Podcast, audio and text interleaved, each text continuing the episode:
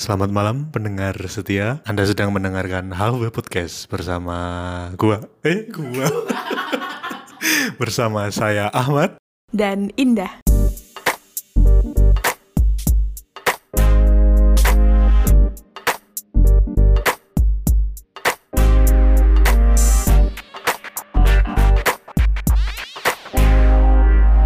Eh kemarin kita udah banyak bercanda loh. Oh, oh, sekarang serius nggak apa-apa. Seriusnya tapi tetap santai. Kayak di mana? Hah? Iklan apa? Aku rakam. Gak ada. Gak ulangin ah, bete aku. Oke. Halo apa kabar? Halo semuanya. Semoga dalam kondisi yang Fit. sehat, Dan lahir dan batin.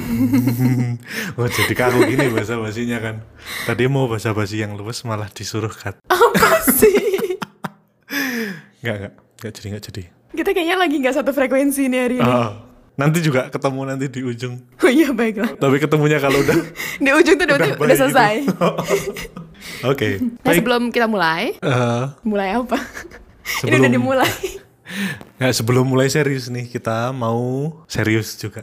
Sebelum masuk ke materi yang apa yang mau kita bahas hari ini, Eh, sesuai dengan yang kita sepakati kemarin kita akan membacakan tentang hal yang disyukuri dalam minggu minggu terakhir ini, Ah, satu iya, minggu ah. terakhir ini ya. Oke, yang pertama, silakan Kak Ahmad dibacain. Pokoknya ini harus Kita- Ahmad yang bacain. kita kita bacain syuk kita kita bacain dari teman-teman yang udah ngirim dulu ya. Eh, se se se bentar bentar bentar. Kenapa harus gua yang bacain ini yang pertama? Pokoknya kamu wajib bacain. Baiklah. Yang pertama dari kakak Nisrina Yes. Hal yang paling disyukuri dalam pekan ini adalah punya temen namanya Indah. Iya. Ketawa, ket- ketawa aku udah habis tadi. Iya, selamat bersyukur Kak Nisrina. Ini kenapa sih dibecandain? Dia tuh bersyukur beneran loh. iya. Barangkali Indah ada Indah yang lain selain Indah ini Oh, sini. iya. Gak usah kepedean lu. Nggak, tapi, tapi kayaknya aku sih. Eh, kok tahu? Kan dia temenku. Ini Kak Nisrina, ini Kak Nisrina yang dulu pernah ngisi di eh, apa? Iya, di season- di season 1. satu, Eh, ke- sat- satu iya satu Ah. bener.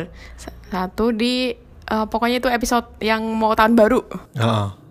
Dari Gitu. self talk project ya. Iya. Iya dari Self Talk Project yang juga punya podcast ya, yang bisa dicariin di Spotify juga gitu. Hmm. Ya selamat bersyukur. Iya terima kasih ya Nisrina ya. Eh, Oke, yang kedua silahkan Kak Indah yang baca. yang kedua, yang kedua ini dari Ahmad Gupron. ini Instagramnya ya. Dia tuh bilangnya, aku bersyukur ada orang yang mau bersyukur punya temen kayak Indah. Eh ini berarti bersyukurnya nyambung dari bersyukur yang pertama tadi ya punya Iya. teman namanya Indah terus Kok ini bisa ya? terus ini dia bersyukur ada orang yang mau bersyukur punya teman kayak Indah. Aku bersyukur ada orang yang mau bersyukur punya temen kayak Indah. terus ada ada emot ikonnya apa itu? Oh aku tahu, berarti bisa aja dia ngomongin dirinya sendiri. Kok Kan dia tuh bersyukur ada orang, ya dirinya itu. Orang tuh dirinya sendiri kan. Ada orang yang mau bersyukur punya teman kayak Indah gitu. baiklah. Bisa kan? Bisa bisa Nah, bisa. anggap aja kayak gitu lah ya. Iya, oke. Oke. Gak usah dibahas lah ya. Iya. Iya udah next next. Itu dari Ahmad. Oke, nyebutin lagi. Terus selanjutnya Terus selanjutnya ini dari Nurul Hikmah Nurul Hikmah HS. HS. Alhamdulillah masih bisa bernafas. Ya, mari Iya, kita sama-sama bersyukur masih bisa bernafas gratis. Iya, biasanya ini paling susah loh untuk diingat-ingat. Kenapa? Ya maksudnya kan karena kan kita udah biasa nih, udah bisa bernafas gitu-gitu. Jadi lupa kalau kita tuh perlu bersyukur kalau kita tuh masih bisa bernafas gitu. Mm-mm. Terima kasih sudah mengingatkan kita semua ya. Iya. Kemudian, Dari Kak Mursyid Event. Cukup waktu tidur selama 5 sampai 6 jam. Tubuhku mau kompromi untuk ngejar deadline. Wah, ini pasti orangnya sibuk nih. iya ya mungkin lagi banyak hal yang perlu dikerjakan gitu kan. Jadi kayak tidur tuh jadi apa ya? Jadi kebutuhan. Jadi anugerah tersendiri gitu. Bisa tidur. Cukup. kasih. Kita kasih semangat ya. Semangat Kak Mursyid. Semoga segera selesai. Semoga deadline-nya beres semua. Amin. Kemudian, Berikutnya, aku bersyukur yang pertama, sahabatku selalu support aku apa pun yang terjadi. Dua, capek gimana pun gak bakal jatuh sakit. Oh, dari 0503 Yikit. Oke. Ya, Ah, ini oke, ya. ya. Kalau punya sahabat yang selalu selalu hadir dalam Selalu kondisi support apa pun itu tuh kayak ya kita punya tempat untuk kembali gitu. Iya, kayak kayak Ahmad ke siapa ya? Siapa? Eh nggak tahu aku nanya. Ke gue yang support diri gue sendiri. Sahabat-sahabat Ahmad tidak diakui. Enggak yang pertama. Yang pertama dukung pasti gue sendiri. Oke. Terus yang kedua nih ya. Capek gimana pun nggak bakal jatuh sakit. Iya, ini juga sama nih kayak Kak Mursyid tadi ya. Ah. Kayak sesibuk apa pun tuh tapi tetap masih bisa bertahan gitu. Ah, tapi jangan sampai sakit itu itu anugerah yang harus benar-benar disyukurin. Iya, karena kan menentukan produktivitas ya. Hmm. Dan semoga kakaknya punya waktu untuk istirahat yang cukup. Ah, jangan nunggu sampai sakit ya. Iya, dan menjaga kondisi apa ya, fisik dan mental lah ya. Dua-duanya itu perlu banget tuh untuk seimbang gitu. iya bener. Apalagi di Jogja ini emang lagi dingin ya sekarang ya. Panas ya. Enggak, enggak ngerasain sih.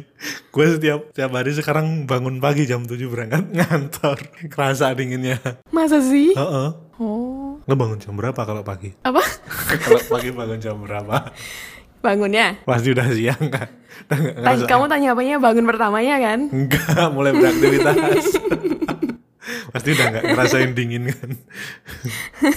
Nggak, soalnya aku selalu hangat kan. Aduh. Jadi bisa menghangatkan diri sendiri. Ya baik, next. Oke. Berikutnya dari Kak Yusrina Kurniasari berhasil menahan godaan all shop. Waduh. Ini apa? Apalagi masa-masa WFH. Ah, keranjangnya dipenuhin aja kak. Tapi nggak usah di check out ya. Ah, masukin ke wishlist aja. Iya bener. Tapi ini ini sih berhasil menahan all, godaan all shop itu kan berarti punya kontrol diri yang cukup Bener. untuk tidak menghabiskan Ah, uang. Kalau gue berhasil menahan godaan all shop karena emang nggak bisa check out. Kalau aku nggak ada yang bisa dibuat bayar juga sih. lah iya itu makanya. itu maksudnya. Cuma bisa masukin wishlist aja. Oke, yang selanjutnya ini ini yang terakhir kita bacain ya Hmm. dari Kak Martin RNA. Bilangnya aku bersyukur karena gajian pertama setelah PHK gara-gara corona. Alhamdulillah. Aku pas pertama kali baca ini jujur aku terharu sih. Iya bener. Gue gue langsung apa? eh kayak bayangin gitu. Aku tuh langsung ada ini loh, kayak nyes gitu loh. Ah. Kayak ya ampun, pasti senang banget gitu kayak. Hmm. Iya, aku sampai nggak bisa berkata-kata nih. Iya. aku sama Ahmad bisa speechless kayak gini loh. Kita kita ada zing Oh, momen iya. gitu di antara kita gitu yang bener-bener kita Selamat ya. terdiam. Ah, ah, selamat. Iya, Dan kita sampai mau ngomong apa tuh bingung ya. Intinya kita turut bahagia sih Ah. ya. Kayak ya ampun gitu kayak ih keren banget lah pokoknya. pasti banyak banget yang ngerasain kayak gini kan. Iya. Karena COVID ini emang bener-bener apa ya? Dampaknya luar Dampaknya biasa luar ya. biasa. ah. Di banyak banyak pihak kan. Hmm. Dan ketika mendapatkan anugerah se se sesegar ini tuh kayaknya ah, gitu. Gak ngerti lagi aku. Iya. Ini terima kasih sudah sharing apa yang disyukuri dalam minggu terakhir satu minggu terakhir ini ya. Terima kasih teman-teman. Semoga bisa menginspirasi yang lain untuk bisa lebih bersyukur Betul. terhadap apa pun yang Kalian dapatkan. didapatkan gitu. Oke, giliran kita belum nih. Baiklah, Kak Indah dulu. Loh, Apa Kak? dari kemarin aku dulu, sekarang kamu dulu lah. Oke, tadi udah gue udah bersyukur satu tadi. itu itu enggak ini. Enggak enggak enggak dianggap ya. Nah, oke, baiklah. Yang itu dianggap dong, biar Oh, apa apa tadi? yang pertama kan tadi gue bersyukur ada orang yang mau bersyukur punya teman kayak Indah. Ini sebenarnya pertanyaan, eh, ini sebenarnya pernyataan dia yang pengen kutanyain seribu pertanyaan gitu loh. Awan. Enggak, tapi nanti akan panjang nih satu episode nanti nanyain itu doang. Boleh besok dibahas di episode sendiri ya. Oke, terus apa Oke, lagi? yang kedua gue bersyukur eh ada yang bilang suara gue lebih bagus dari suaranya Tulus. Iya, Terima kasih tante. Salam dari Ahmad. ya jadi Siapa tante itu? Dijelasin dong. Jadi terima kasih untuk mamanya Kak Rizky yang pernah kirim cerita di sini ya. Ah, Jadi katanya ini senang sama suaranya Ahmad. hmm, itu gue syukuri juga itu. Oh, Terima gimana? kasih. Rasa rasanya ketika ketika apa namanya? Ketika dapat pujian kayak gitu gimana? Ya bahagia dong. Terus tambah bersyukur. Mantap. Kenapa lu ketawa? Soalnya nggak bisa, aku nggak bisa kalau nggak ketawa gitu. Oh, aku pengen menghabiskan jatah ketawa aku di awal-awal kayak gini loh, nanti biar bisa serius Gak gitu. apa-apa nanti ketawa nggak apa-apa tapi ketawanya yang serius. Oh gitu, bisa ya.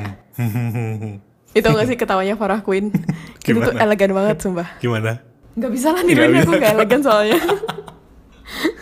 Oke. Yang ketiga kak apa? Yang ketiga, kok nggak selang-seling? Kan terlanjur. Oke, yang ketiga nyambung sama poin pertama tadi. Gue bersyukur punya teman-teman yang nggak cuma lu kak, nggak usah, nggak usah GR gitu dong. Udah mejeng dia, pose dia. Ya intinya gue bersyukur punya teman-teman yang apa ya, yang baik, yang selalu bisa menginspirasi, yang apa ya, yang punya keahlian beda-beda, yang men- yang menjadi tempat gue belajar ada yang ahli bisnis, ada yang finance, ada yang psikologi itu udah ngacung dia. Jadi dapat ilmu lengkap dari teman-teman gitu. ya, iya, iya, iya. Itu sih. Terima kasih teman-teman semua sudah menjadi teman Ahmad. Dah. Apa yang lu syukuri? Wah ini bisa satu jam nih aku. Waduh. Enggak, enggak. Oke, dari kalau dari aku sendiri yang aku syukuri akhir-akhir ini tuh em, yang paling kerasa itu ini sih eh Apaan? ya pas aku nggak sengaja matahin keran depan kosan. Waduh. Tolong. emang emang tangannya dia tuh usil gitu. itu tuh aku nggak kenceng yo. Ah. Tapi dia ikut. Dia pengen ikut aku. gitu. Oke. Jadi aku berterima kasih sih. Aku mau menyampaikan terima kasih kepada suaminya Mbak Sam karena nggak tahu nama bapaknya yang udah bantuin gantiin keran. Sama terima kasih sama Mas Cahyo yang tetangga kosan yang udah minjemin alat-alat sama ngasih ini loh apa namanya? Pagarku kan agak berat tuh kalau dibuka tuh. Terus dikasih semprotan itu. Ternyata ada aku baru tahu. Oh, biar gampang dibuka. iya terus aku dapat pengetahuan baru gitu. Kalau ada namanya lupa ada bahannya gitu Oke. Nah itu dua kebersyukuranku. Eh, Semoga Mas Cahyo sama suaminya Mbak Sam mendengarkan. ya juga ya. Ya, Oke, yang Next. terakhir yang aku syukuri. baru pertama lu. Oh, itu dua, itu dua Yang orang. satu apa? Itu udah dua orang, beda-beda perannya. Baiklah. Terus yang satu lagi.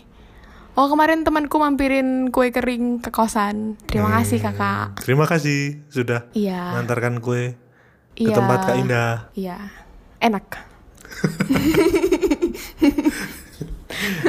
Baiklah. Iya. Baik banget ya. Heeh, Mau maunya ya. heeh. Nggak ada yang nganterin gua kue. Baik, Oke.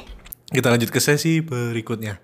Ah, kita kemarin udah open question tentang tema hari ini ya, Iya. tentang Prenuptial agreement. atau bahasa Indonesianya. Perjanjian perkawinan. Nah, pertanyaannya, Apa Kak Ahmad? malah lempar lagi. Hai teman-teman tersayang Alve, ada emotnya love. Selamat merayakan Hari Rabu.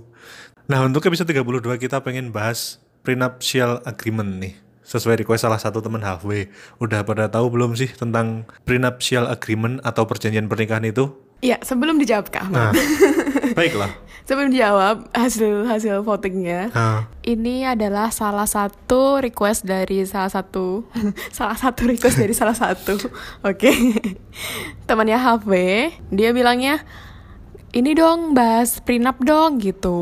hmm, Jadi sebenarnya ini tantangan tersendiri sih bagi kita ya. ah. Karena Dan menjawab pertanyaan tadi, udah pada tahu belum sih tentang prenuptial agreement? Gue aja jawab belum tahu. aku nggak ikut jawab sih ya. tapi tapi ini aku suka tantangan gitu kan. Jadi ketika ada yang request apa ya kita berusaha untuk nah, hmm, mencari tahu Udah. ketika itu penting iya. bagi kita. Gue belajar loh tadi dari. iya loh, kita belajar loh. Oke, hasilnya gimana Kak Ahmad? Hasilnya adalah 59% belum tahu dan sisanya 41% pernah denger. Ini hampir 50-50 ya. Iya, cuman kan emang ini pilihan kita kan nggak ada tiga gitu kan. Harusnya kan Ah. tiga. Belum pernah denger, Pernah denger? pernah denger, Sama- sama, udah tahu Ah. gitu. Oke, jadi setidaknya ini ya, udah setengahnya yang Ah, pernah denger gitu. hampir, tapi lebih banyak yang belum tahu sih. Oh iya, salah. Iya, ya hampir separohnya udah pernah denger. Baiklah. Apakah itu prenuptial agreement? Nah, kita bacain dulu nih pendapat dari teman-teman yang beberapa yang jawab. Yang mungkin pernah denger ya. Iya. Yang pertama, kutunggu episodenya pakai caps lock. Baiklah. Yang kedua, nggak tahu web. Yang ketiga, itu bangun rumah tangga apa bangun PT hey gitu. Terus sama penting sebenarnya untuk dibahas, diketahui, tapi sekarang masih dianggap tabu ya gitu. Oke. Oke. Gimana Kak Ahmad? Apa itu prenuptial agreement? Nah, sebelumnya kan gue bener-bener nggak nggak tahu dan nggak pernah denger nih. Heeh. Tapi setelah baca-baca tadi udah mulai sedi- sedikit tahu kan. Mm-mm. Terus ternyata gue baru tahu tuh ternyata itu ada di peraturan undang-undang. Ada dong. gue nggak beneran nggak tahu. Gue kira perjanjian perkawinan itu cuma sekedar eh, apa lisan atau cuma nggak tertulis gitu loh. Ternyata setelah gue cari tahu lebih lanjut ada di undang-undang. Iya. Kalau lisan namanya itu janji. Nah. Nah, ibaratnya ibaratnya gue kira cuma ini loh, maksudnya kayak rembuk antar keluarga gitu loh sebelum nikah Oh. waktu waktu lamaran kayak atau apa di situ ada kayak agreementnya tuh kayak kayak gitu gitu. Tapi ternyata bentuknya udah tertulis ya. Iya, jadi aku pun sebenarnya udah pernah dengar sih, udah pernah tahu kesepakatan sebelum menikah. Hmm. Itu tuh ada perjanjian perkawinan yang bisa dibikin gitu. Cuman emang selama ini aku belum pernah untuk yang melihat secara lebih jelas gitu. Lebih apa ya? Lebih memperhatikan lagi gitu. Jadi emang baru bener-bener baca dan baru bener-bener mendengarkan, bertanya itu baru kemarin ini gitu. Oke. Ya aku sempat sempat diskusi sama salah satu anak hukum tentang prenuptial agreement ini. Terus sebenarnya aku dikasih dikasih tahu banyak gitu kan, kayak dasar hukumnya tuh ini ini ini ini. Cuman ya karena aku tuh nggak bukan pengingat yang baik dan catatanku tuh ternyata nggak bisa dibaca. Bahkan sama lu sendiri kan. jadi ini jadi se seingatnya aja gitu. Ah. Dan ini sih sebenarnya kemarin kita sempat ini ya, sempat mau eh, ngasih ngasih rekaman gitu jawaban dia secara apa mau disisipin gitu di episode ini cuman karena dianya lagi sibuk jadi ya nggak jadi gitu Ya. tapi setidaknya kita dapat gambaran dikit Ah. lah ya oke jadi perjanjian perkawinan itu Ternyata sudah diatur di Iya, sudah Pasal? jelas diatur di Undang-Undang Perkawinan itu sendiri. Jadi Hmm. dulu awalnya itu kan diaturnya di Kitab Hukum Perdata kan. Hmm, Tapi habis itu diperjelas lagi di Undang-Undang Perkawinan nomor 1 tahun 1974. hmm. Nah, itu bisa dibaca tuh di bab 5 tentang perjanjian perkawinan. Nah, terus kalau apa namanya? Kalau dalam kalau untuk perkawinan muslim sendiri itu juga ditambahin di kompilasi hukum Islam gitu, di aturan kompilasi hukum Islam gitu. Jadi kalau mau teman-teman mau ngeliat lebih jelas sebenarnya sangat dijelaskan di apa nah di pasal-pasalnya ini ya. Oke, isinya di bab 5 perjanjian perkawinan pasal 29. Yang pertama, pada waktu atau sebelum perkawinan dilangsungkan, kedua pihak atas persetujuan bersama dapat mengadakan perjanjian tertulis yang disahkan oleh pegawai pencatat perkawinan. Setelah mana isinya berlaku juga terhadap pihak ketiga sepanjang pihak ketiga tersangkut. Kemudian yang kedua, perjanjian tersebut tidak dapat disahkan bila mana melanggar batas-batas hukum, agama, dan kesusilaan. Kemudian yang ketiga, perjanjian tersebut mulai berlaku sejak perkawinan dilangsungkan. Dan yang keempat, selama perkawinan berlangsung, perjanjian tersebut tidak dapat diubah, kecuali bila dari kedua belah pihak ada persetujuan untuk merubah dan perubahan tidak merugikan pihak ketiga. Iya, tadi itu yang di ini ya UU 1974 ya tentang perkawinan itu. Terus juga itu tuh diatur juga di kalau untuk muslim itu di kompilasi hukum Islam itu di bab 7 dari pasal 45 sampai 52. Jadi nanti bisa dilihat sendiri di googling aja nanti banyak kok di sana. Misalnya penasaran nih ya isinya apa. Hmm. Cuma itu udah udah lumayan jelas sih kalau mau dibaca dari apa dari undang-undangnya itu sendiri.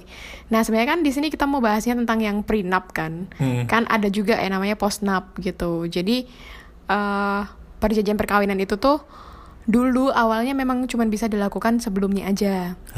Tapi setelah ada putusan MK di tahun 2015 atau 2016 itu tuh jadinya bisa juga dilakukan saat berlangsungnya perkawinan gitu. Jadi Oh. setelah udah Iya. nikah bikin itu bisa gitu. Kenapa ini perlu untuk untuk diketahui gitu? karena Karena banyak yang belum tahu. Satu itu ya, satu banyak yang belum tahu kayak gua tadi kan.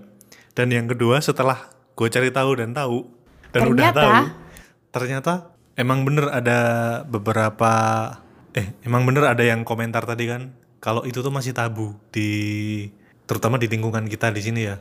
Iya bener.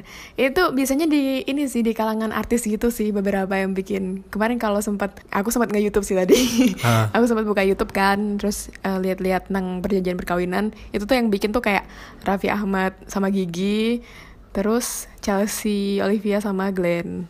Nah itu mereka eh, menyatakan di publik gitu Kalau mereka bikin perjanjian perkawinan itu. Hmm. Nah, kadang-kadang nih banyak banget yang nanyain, "Eh, mau nikah aja kenapa sih harus di apa namanya? Kenapa harus ada perjanjian Iya. pranikah gitu? Nah itu kan yang bikin tabu kan. Kok kok kayak nggak percaya sama pasangan Ah. sih gitu? Kenapa harta harus dipisah-pisah sih gitu?" Masa baru mau membangun rumah tangga udah ngomongin kayak gitu kayak Iya, kayak, kayak udah persiapan besok bakal bakal cerai gitu Ah. ya. Kok ini perceraian di di dipersiapkan. dipersiapkan gitu. Kayak ya itu ba- banyak hal yang ini ya, banyak hal yang dipertanyakan gitu. Heeh. Nah, ketika ketika nggak baca, emang aku juga mempertanyakan kayak gitu. Kalau nggak baca ya. Iya. Bahkan setelah gue baca pun masih. Oh gitu. Heeh. maksudnya bukan dari gue ya kalau Nah, maksudnya kalau gue lihat di lingkungan kita mhm. atau di circle gue itu emang bakal menganggap itu menjadi sesuatu yang tabu sih. Iya. Itu masih wajar. Iya, masih bisa diterima. Enggak, gua me- gua mengatakan itu, gua mengatakan mereka menganggap itu tabu, itu wajar. Ah, ya ya ya ya.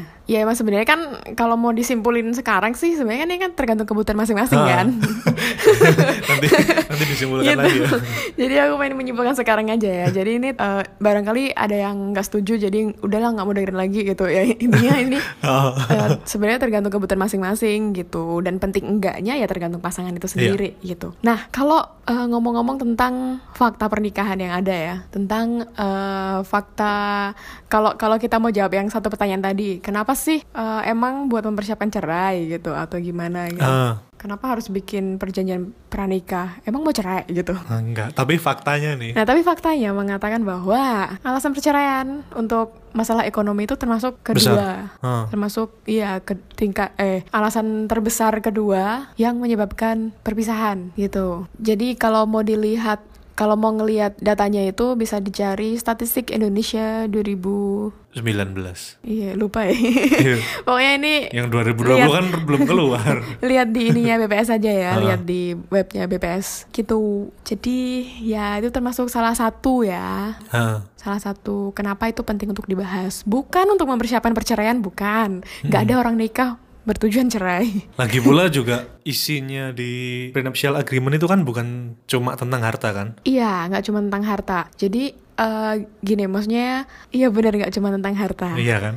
Bisa juga membahas tentang piutang, hutang, tentang Ah. hutang. Terus bisa juga bahas tentang hak dan kewajiban. Hak asuh juga kali. Iya bisa hak asuh hak milik gitu-gitu. Jadi memang sebenarnya nggak nggak sesempit itu eh, perpisahan harta gitu Nggak, enggak, enggak. enggak melulu soal ngomongin duit gitu loh. Iya, cuman emang kebanyakan orang bikin prenup itu adalah untuk pemisahan Memper- harta ah, mempersia- gitu. Mempersiapkan itu ya. Jadi ibaratnya tuh gampangnya tuh gini sih. Ini aku eh, denger-dengerin podcast juga ya dari tempat lain. Hmm. Aku mau kasih rekomendasi dulu aja lah ya.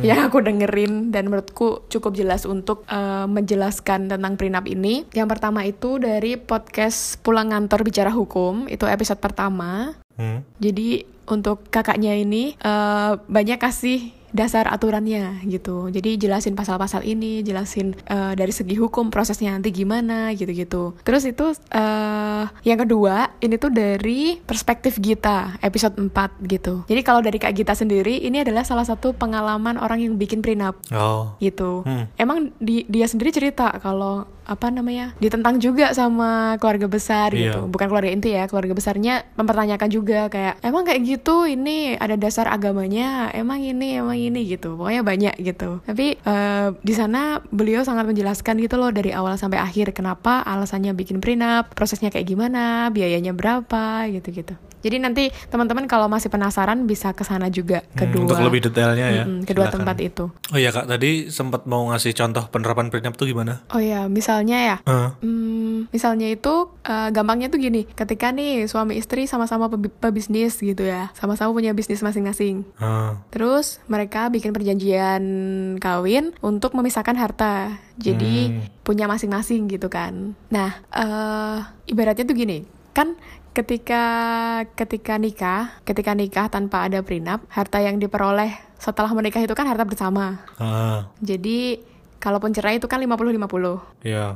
Itu kalau tanpa prenup ya. Heeh. Nah, terus ini ada salah satu yang eh ada pasangan yang bikin prenup gitu. Jadi hartanya tetap harta masing-masing gitu. Eh, Nah, itu tuh gampangnya gini, ketika salah satu kolaps, misalnya dia nggak bikin prenup sebelumnya, terus ketika bisnisnya anjlok, ya, salah satu ya, salah satu sa- anjlok. sa- misalnya bisnisnya kolaps, eh, terus ternyata yang jadi apa jaminan itu tuh harta kan hartanya berdua. Eh, Jadi kan mau nggak mau semua eh Iya jadi kena semua nanti. jadi kena semua gitu. Eh, bener-bener. gitu.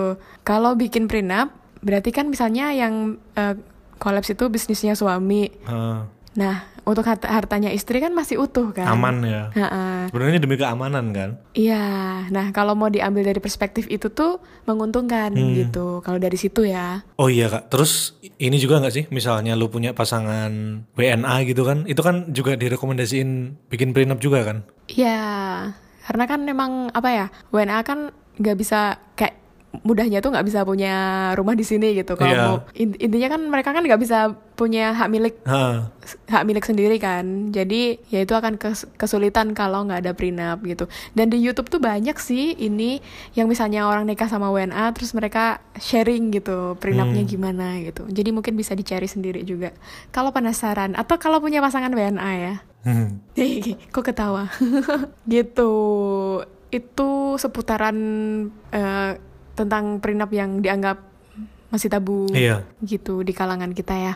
Jadi saya bukan bukan bukan bermaksud untuk yang saling saling menutupi saling apa gitu enggak sebenarnya ya. Maksudnya ini kali bukan bukannya nggak percaya sama pasangan gitu kan? Iya bener. Jadi bukan bukan karena nggak percaya. Justru malah ini loh apa pas bahas prenup itu kan prosesnya itu kan eh, nggak sebentar kan. Hmm. Jadi malah ini tuh memicu keterbukaan antar pasangan sih menurutku.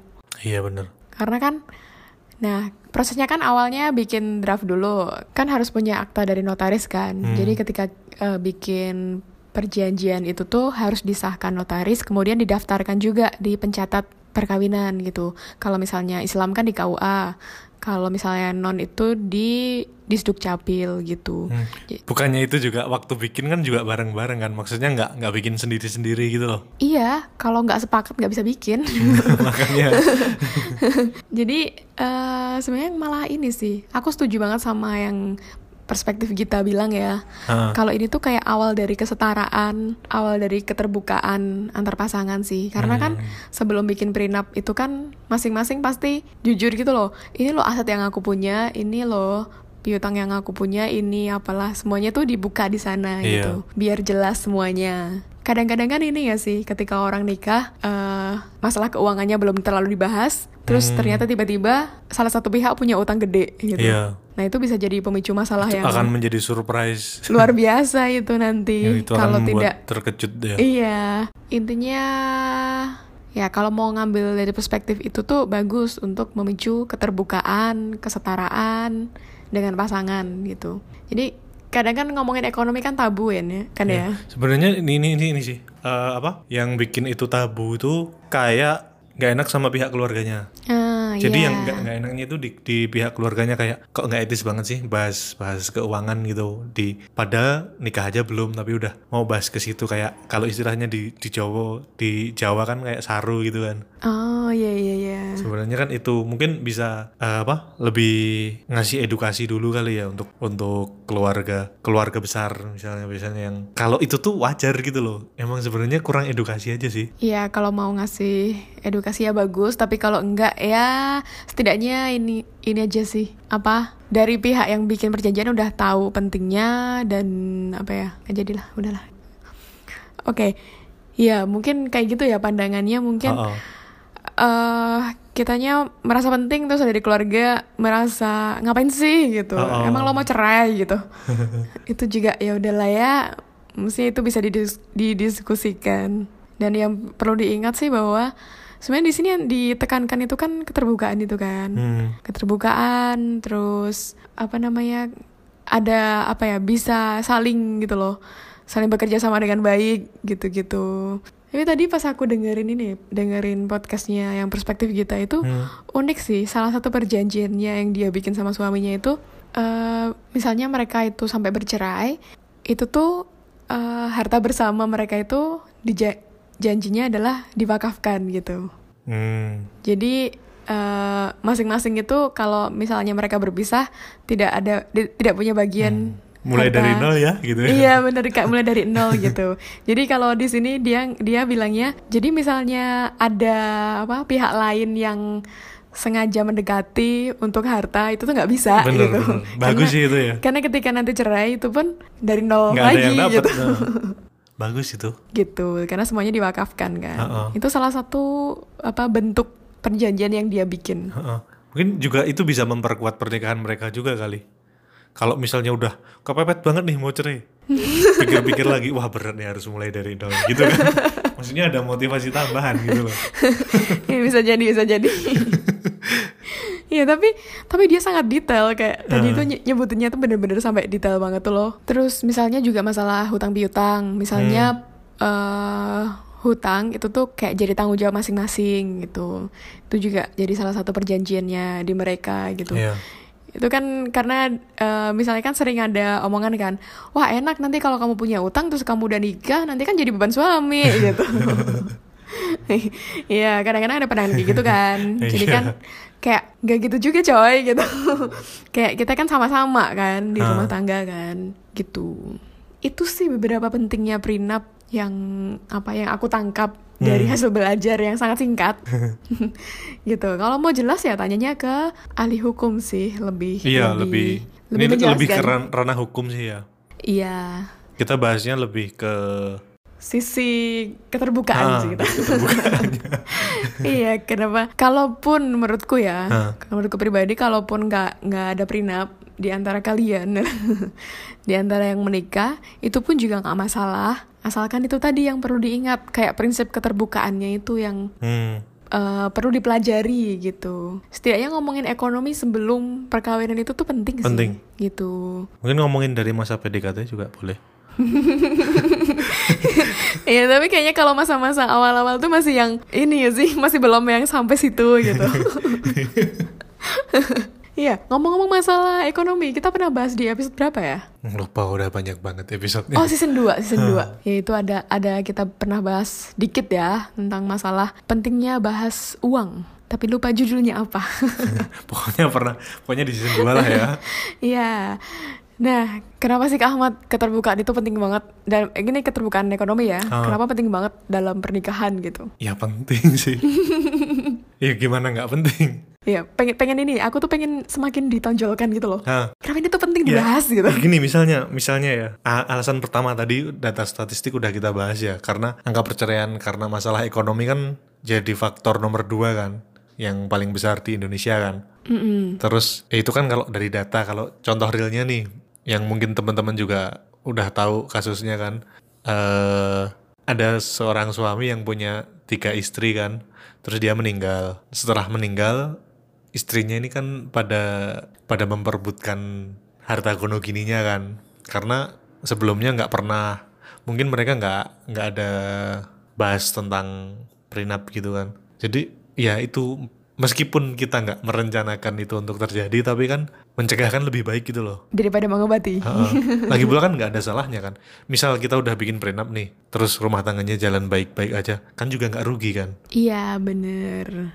Iya, tapi perebutan harta gono gini tuh emang banyak sih. Iya. Dialami sih. itu sering banget denger itu kan Iya, itu tuh masalah yang kayak ya mau nggak mau semakin dewasa tuh aku semakin mendengar itu tuh loh. iya meskipun nggak ingin denger ya Iya, kayak kalau kalau kalau dulu kan kayak nggak mau tahu gitu kan, nggak ngerti, nggak paham gitu. oh enggak kalau dulu waktu gua kecil gua kira itu tuh cuma terjadi di sinetron sinetron gitu kan ternyata enggak itu beneran terjadi di kehidupan nyata Iya bener, kayak itu tuh bisa alat banget loh masalah harta gono gini gitu lah. Heeh. Jadi ya sebelum menikah kayaknya perlu banget sih untuk belajar sih setidaknya Heeh. gitu. Dan balik lagi kayak orang menikah itu nggak ada yang merencanakan untuk gagal. Iya bener Jadi apa namanya? Jadi ojo seuzon lah. gitu. mungkin tabu karena apa masih belum biasa kali ya masih karena masih asing kan Iya. bukan karena itu sesuatu yang jelek kan Iya. Jadi kita untuk mengamankan kan itu Ah. tuh tujuannya. Nah, itu dia tadi bahasan kita tentang prenup ya. Hmm. Yang apa namanya? Yang masih dianggap tabu oleh sebagian besar orang di kalangan kita, tambahin lah ya. mungkin sudah tidak tabu lagi di kalangan Anda semuanya. di kalangan artis terutama Iya, kalau di luar kan sebenarnya ini eh, sekarang udah udah mulai banyak juga kan di luar di luar itu yang mereka di luar mana di luar negeri, di luar Indonesia. Oh, iya. yang sadar akan pentingnya prenup gitu. Kalau prenup di kita itu ini kebanyakan anak-anak millennials gitu yang Baru udah pada- mulai sadar iya. gitu. yang baru pada yang pada suka dengerin podcast iya kan Ya apa namanya? Kalau di luar itu kan kebanyakan alasannya kan mereka kan angka pernikahan tinggi juga kan. Hmm. Kayak tren tren perceraian itu juga sama di mana-mana kayaknya tinggi gitu. Jadi mereka udah sadar juga bagaimana memproteksi itu hmm. gitu. Terus ngomong-ngomong keterbukaan dalam hal ekonomi nih ya. Hmm. Yang penting diperhatiin tuh apa aja sih? ya mungkin kalau dikaitin sama prenup tadi poin-poinnya tentang kayak misalnya aset yang udah dimiliki terus utang piutang Hmm. terus Mungkin tanggungan juga ya di keluarga Iya gitu. tanggungan atau mungkin rencana juga bisa maksudnya rencana keuangan ke depan bisa di Iya iya benar-benar. misalnya Pengen investasi bikin oh ya terus itu aset-asetnya. ya. perusahaan gitu-gitu kan bisa Iya itu itu sih perlu banget diomongin dari awal ya. Hmm. Karena biar nggak kaget sih sebenarnya. ya, biar nggak surprise tadi kan Iya biar nggak kaget dan punya gambaran aja. Nanti kalau ternyata dia kayak gini, berarti harus gimana dong solusinya Hmm. gitu. bukan untuk ditinggal bukan untuk kalau tahu berat terus ditinggalkan ya Iya tapi itu pertimbangan masing-masing sih. tapi lebih ke nyari solusi kan tapi kalau solusinya meninggalkan ya ya, ya serah lu Iya nyari solusi sih. Solusinya apa pun itu terserah masing-masing Nah. sih. ya Ya, ini juga sih yang penting kayak gaya gaya hidup apa ya? Kayak arti uang bagi masing-masing tuh kayak gimana? Kayaknya kita pernah bahas sih oh di, iya benar benar di Hmm. di episode entah berapa, eh, season 2 ya, itu pernah Hmm. dibahas kayak arti uang tuh apa sih bagi masing-masing gitu. Jadi eh, misalnya salah satu tuh uangnya itu lebih suka untuk dibuat kesenangan gitu. Hmm, lebih konsumtif pola Iya. pola hidupnya lebih konsumtif konsumtif gitu kan? Heeh, lebih suka belanja-belanja. Kalau punya uang dibelanjain apa gitu. Pasti punya barang baru tiap bulan gitu atau apa gitu. Terus misalnya sat- satunya lagi tipikal yang eh, uang itu sebagai jaminan keamanan gitu. Tipenya saving misalnya. Iya saving gitu. Nah kalau dua itu ketemu dan tidak dibicarakan di awal itu jadi sumber konflik tuh. Yang satu yang satu ngeluarin duit terus yang satu saving terus. Jadi nggak ada yang tinggal akhirnya duitnya. Iya terus misalnya salah satunya ngerasa loh aku habis nikah kok jadi tertekan sih jadi nggak bahagia gini sih perasaan gue gitu. saving terus tapi kok nggak pernah punya duit Nah Jadi itu gitu yang, kan. yang satunya. Kalau aku kan sebagai, maksudnya aku memposisikan sebagai yang boros kan kayak, Oh. kok aku jadi nggak bahagia sih sekarang nikah, jadi apa apa diatur, apa apa disuruh nabung, apa apa ini, aku kan juga butuh kebahagiaan. ya. Nah, kok gue jadi ngerasa terkekang gitu kan Nah itu bisa. Terus satunya kayak gitu, kok, Eh, kalau kok habis sih uangnya gitu, kayaknya aku kerja terus. gitu. Nah itulah pentingnya keterbukaan ya Iya dalam hal ekonomi ya. Heeh. apalagi misalnya lu punya pasangan nih hobinya buka Shopee itu terus masukin ke keranjang gitu kan. Kan kalau nggak check out nggak apa-apa. check out habis check out juga.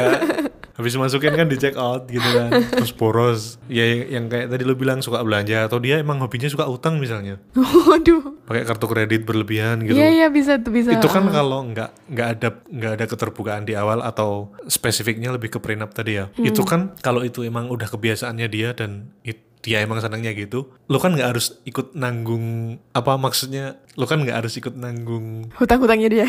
Oh. itu kan bukan tanggung jawab lo gitu loh Eh, maksudnya. kayak perbuatan yang tidak Oh, tidak oh, yang tidak dilakukan. disetujui. Perbuatan yang tidak disetujui keduanya gitu lo nggak ikut nanggung gitu loh. Kalau pasangan lo mau gitu ya silahkan tapi silahkan tanggung sendiri gitu kan Iya bener, meskipun ketika hutang kan perlu ada kesepakatan dua belah pihak ya. ah Maksudnya misalnya ke bank itu kan juga pasangan pasti akan dipanggil juga kan. oh iya Gitu, meskipun kayak gitu tapi kalau polanya kayak kamu bilang tadi hobi belanja terus emang itu hobi tanpa gitu mikir gitu. dia kalau nggak gitu nggak bahagia gitu Iya, kalau ya meskipun udah disepakati di awal tapi kan kayak kok gini banget gitu. Hmm. Nanti ya itulah tuh susah untuk dibayangkan sih. gitu. Tapi nih Kak Ahmad, kalau misalnya kamu nanti mau nikah nih, Hah, eh, bakal bikin prenup gak? insya Allah bikin bikin dong kalau gue pengennya bikin sih Ah, tetap bikin ya ya ya ya. kalau lu gue nggak tanya Kamu gak tanya kan? nggak Ya udah. tapi pas mungkin calon lu pingin bikin Kenapa gitu? nggak apa-apa karena sudah mendengarkan apa yang kita obrolkan di episode kali ini kan Eh. Enggak sih, aku, aku belum ngomongin sebenarnya. Eh, oh, belum belum ada pembahasan ke situ Belum.